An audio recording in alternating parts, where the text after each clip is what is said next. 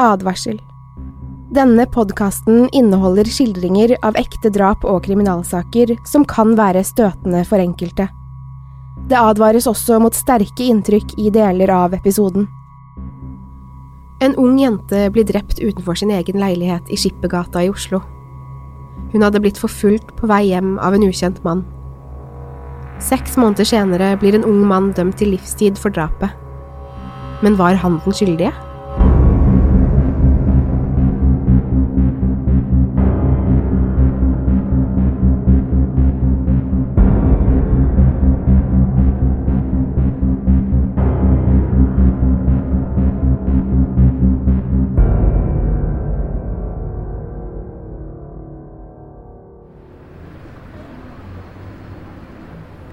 Klokken var nesten ti over halv elleve fredag kveld den 6. desember 1957.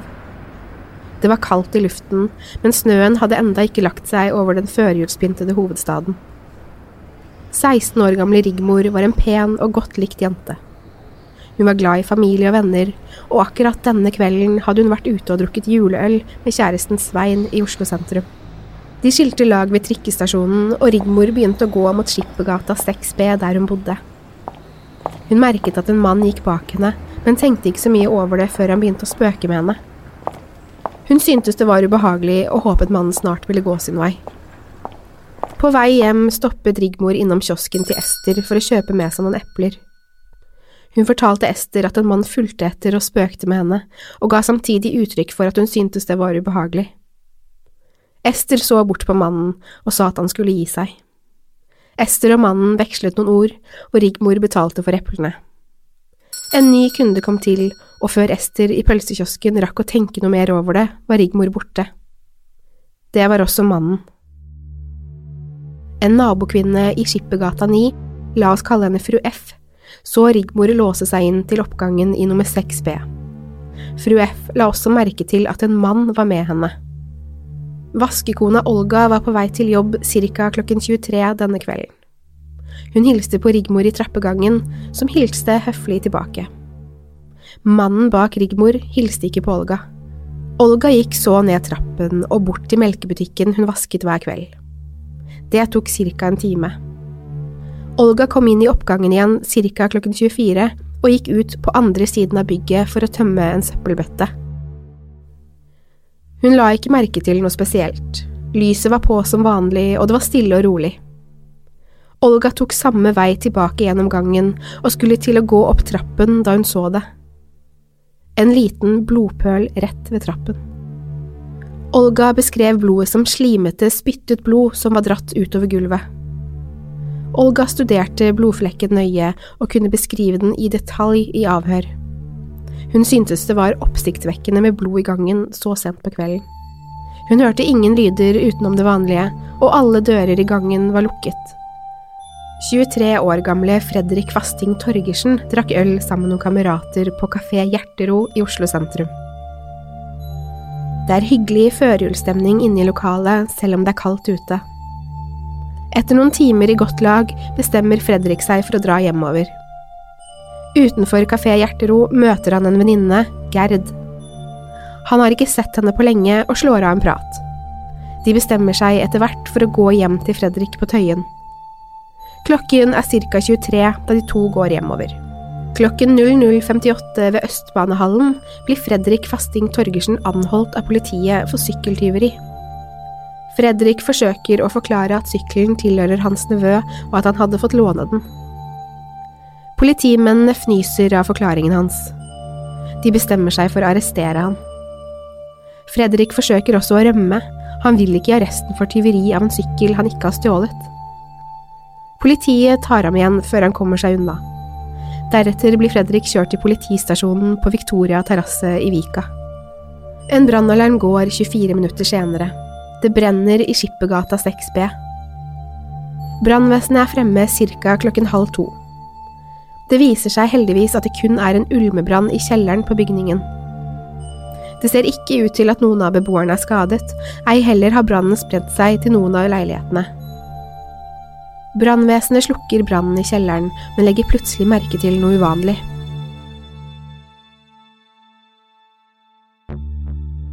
Under et slags juletre eller grantre og to løse dører ser det ut som en haug med klær er forsøkt gjemt bort. Brannmennene undersøker nærmere. Det er ikke en haug med klær under dørene og juletreet. Det ligger en kvinne der. Hun er drept.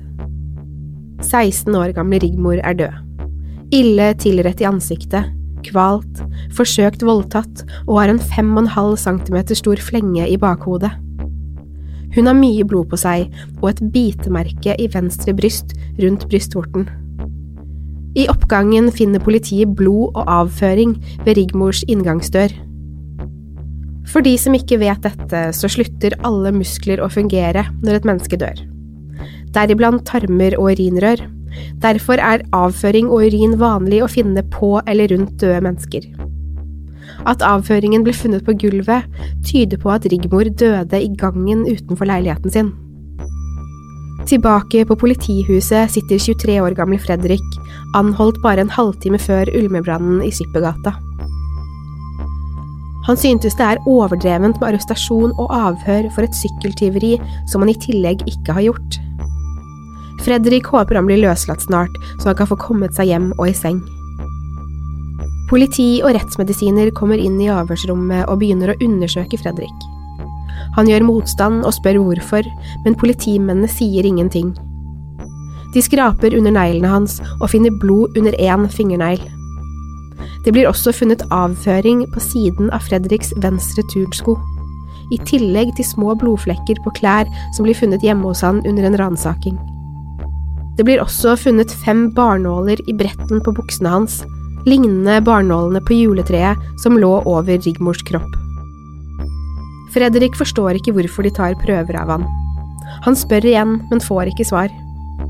Han vil bare hjem, men politiet sier at de ikke kan slippe han. Han er nemlig mistenkt for drapet på Rigmor. Fredrik nekter for å ha drept henne, og sier at han ikke vet hvem hun er engang. Ingen tror han, og avhørene fortsetter. Natten på Victoria terrasse ender med at han blir siktet og varetektsfengslet.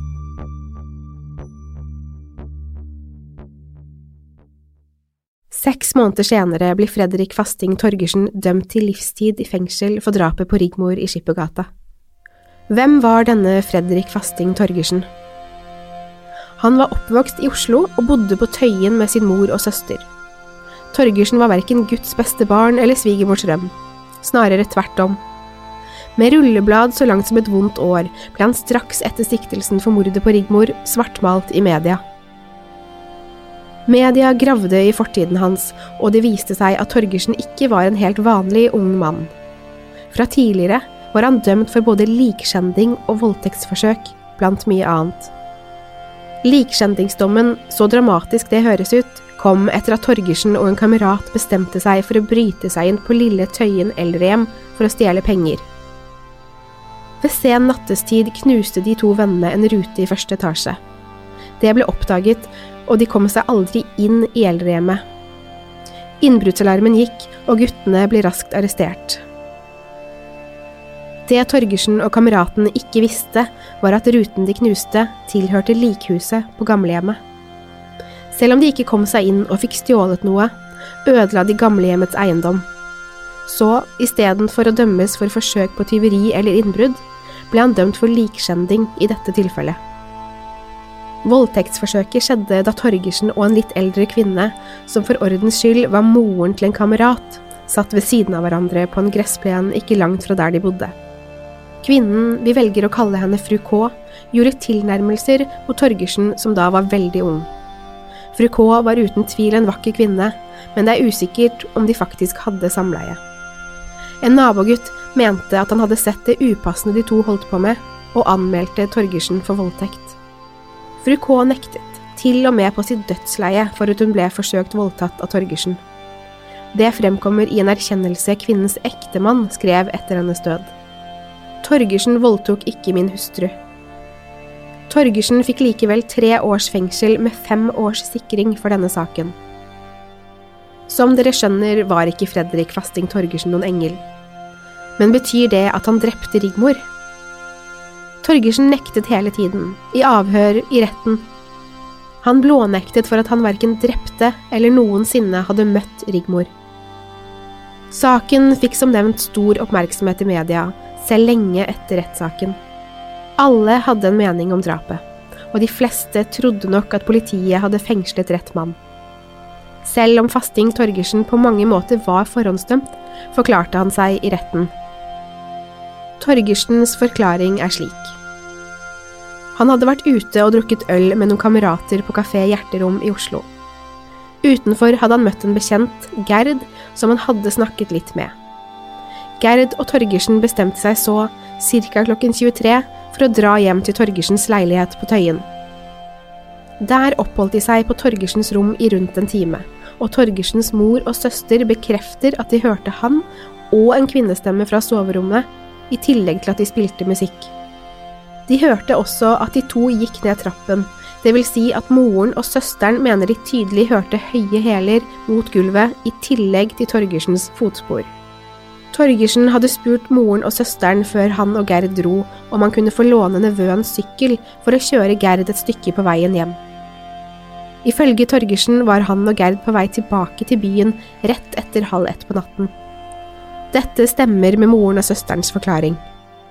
Klokken 00.58 blir han pågrepet, og noen timer senere er han hovedmistenkt i Skippergata-drapet. Om det Torgersen fortalte i retten stemmer, i tillegg til at han faktisk hadde alibi, kan ikke 23-åringen ha rukket å drepe Rigmor. Men i retten, med statsadvokat Dorenfelt i spissen, ble det påstått at Torgersen løy, og at påtalemyndighetens egen tidslinje stemte bedre med bevisene. Dette er hva påtalemyndigheten, med Dorenfelt i spissen, mente skjedde. Torgersen skal ha gått raskt nedover Karl Johan og møter Rigmor i krysset ved Dronningens gate. Han følger etter henne til pølsekiosken og helt hjem. Rett etter at Rigmor har hilst på vaskekona Olga i trappeoppgangen, skal Torgersen ha slått Rigmor rett ned. Deretter skal han ha dunket hodet til Rigmor, først i betonggulvet, så i kanten på trappen, hvorpå hun får flengen i hodet, uten at det blir noe merke i trappen. Deretter skal han ha forsøkt å voldta Rigmor, hvor hun gjør motstand. Torgersen tar da, ifølge Dorenfelt, kvelertak på Rigmor, som til slutt dør, og tarmene tømmer seg. Det er nå både blod og avføring i gangen. Husk at Olga, vaskekona, kun la merke til blodet i gangen. Hun beskrev kun blodet, og det detaljert. Hun sa ingenting om avføringen. Og hadde avføringen, som på åstedsbildene var tråkket og smurt utover gangen, vært der, ville det både vært like synlig som blodet og ha luktet voldsomt om det hadde vært på gulvet da Olga kom tilbake til oppgangen rundt midnatt. Dorenfelds historie fortsetter. Etter kvelingen skal Torgersen ha båret Rigmor ned til kjelleren der hun ble funnet. For å skjule drapet skal Torgersen ha forsøkt å starte en brann, men oppdaget at han manglet fyrstikker. Han skal så ha stjålet nøklene fra Rigmors kåpe, tatt taxi hjem, som er den eneste måten han hadde rukket hjem på den korte tiden, til Tøyen 3,5 km unna. Så skal han ha skiftet klær, hentet fyrstikker, deretter avtalt med sin mor og søster hva de skulle si til politiet, og så tatt nevøens sykkel tilbake til Skippergata for å starte brannen i kjelleren. Torgersen skal ha satt fra seg sykkelen utenfor Skippergata nummer ni mens han tente på kjellerbrannen, og skal ha låst seg inn med Rigmors nøkler. Etter at ulmebrannen er startet, tar han sykkelen mot Østbanehallen og kaster fra seg nøkkelknippet han hadde stjålet fra Rigmor på veien. Nøkkelknippet blir for ordens skyld aldri funnet. Klokken 00.58 blir Torgersen anholdt. Nå som vi har hørt både Fredrik Fasting Torgersen og påtalemyndighetens versjoner, skal vi se litt på bevisene som faktisk ble funnet, både på åstedet og på Torgersen selv. Bevisene Skippergata 6B har to innganger. Én fra Skippergata og én fra Fred Olsens gate. Begge disse dørene var låst klokken 23 den kvelden, og det betyr at kun de med nøkler kan ha kommet seg inn i bygningen. Gjerningsmannen må ha drept Rigmor rett etter at Olga gikk forbi, og drapet må ha skjedd mellom klokken 23 og 23.30 ifølge politiet.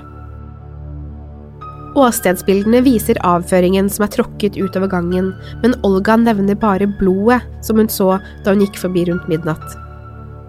Det er ganske sikkert at hun hadde både kjent stanken og sett avføringen om den hadde vært der klokken 24. Dette tyder på at noe må ha skjedd senere enn klokken 24 i den gangen. Torgersen var hjemme på Tøyen med Gerd, hun bekreftet dette i avhør. Det skal nevnes at Gerd senere nektet for dette da hun ble avhørt igjen, men da sammen med sin ektemann, og man kan jo tenke seg hvorfor. Rigmor ble funnet død halv to, og da var liket fortsatt varmt, som uttalt til media på stedet. De gikk på det tidspunktet ut fra at Rigmor hadde vært død i ca. en time, det vil si at hun må ha dødd etter midnatt. Heldigvis, med nyere teknologi, kunne man fastslå Rigmors dødstidspunkt i 2004. Hun og kjæresten Svein hadde nemlig drukket to halvliter med juleøl ca. klokken 20 samme kveld. Alkoholmengden i blodet til Rigmor fastsetter dødstidspunktet til klokken ett. Kjæresten til Rigmor kjøpte øl og en pakke sigaretter til Rigmor. Svein bekrefter at Rigmor røkte tre eller fire sigaretter på puben, og at han selv røkte én eller to. Det vil si at det burde være minst 14 sigaretter igjen i pakken, og ingen av vitnene som så Rigmor gå hjem, kan huske å ha sett henne røyke mens hun gikk. Likevel ble det funnet én sigarett i pakken som lå i kåpelommen hennes. Hvem hadde da røkt eller tatt disse? Vi må også nevne kåpen som Rigmor hadde på seg. Den ble funnet inntil veggen bak hodet hennes. Den hadde ikke noe blod eller avføring på seg, selv om Torgersen ifølge politiet skal ha tatt nøklene hennes fra den. Det skal nevnes at det var mye blod på skjerfet og alpeluen hennes. Kåpen kan tenkes å ha vært tatt av før hun ble slått ned. Men hvorfor? Var det hun selv som tok av seg kåpen, eller var det gjerningsmannen?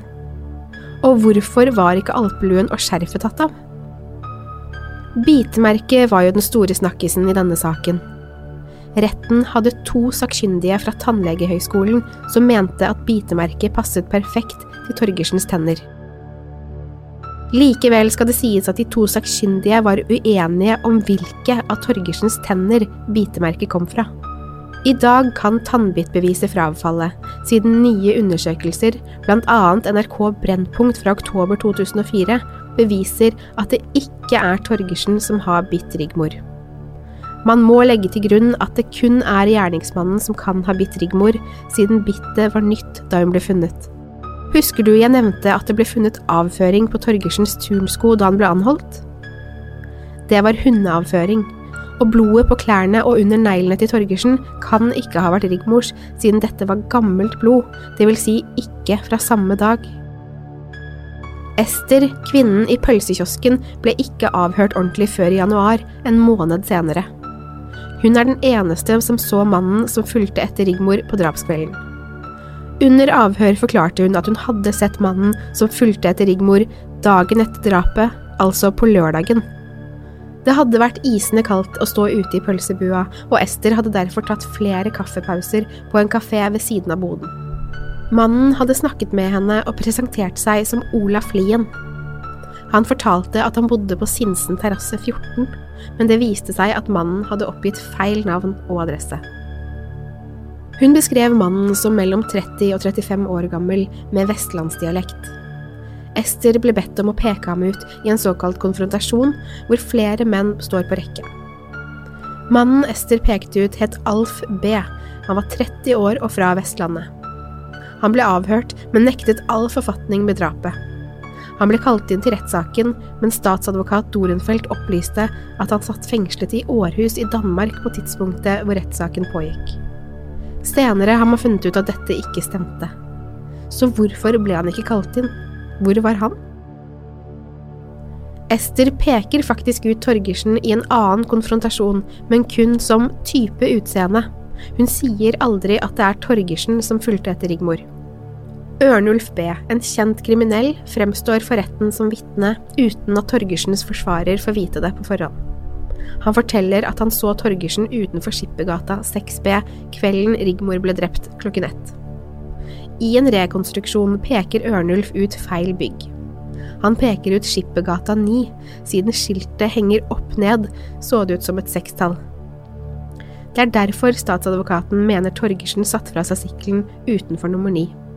Senere får man vite at Ørnulf fikk noe av fengselsstraffen sin ettergitt for å ha vitnet mot Torgersen, noe som kan ha vært motiv for å vitne falskt. Denne saken er trist.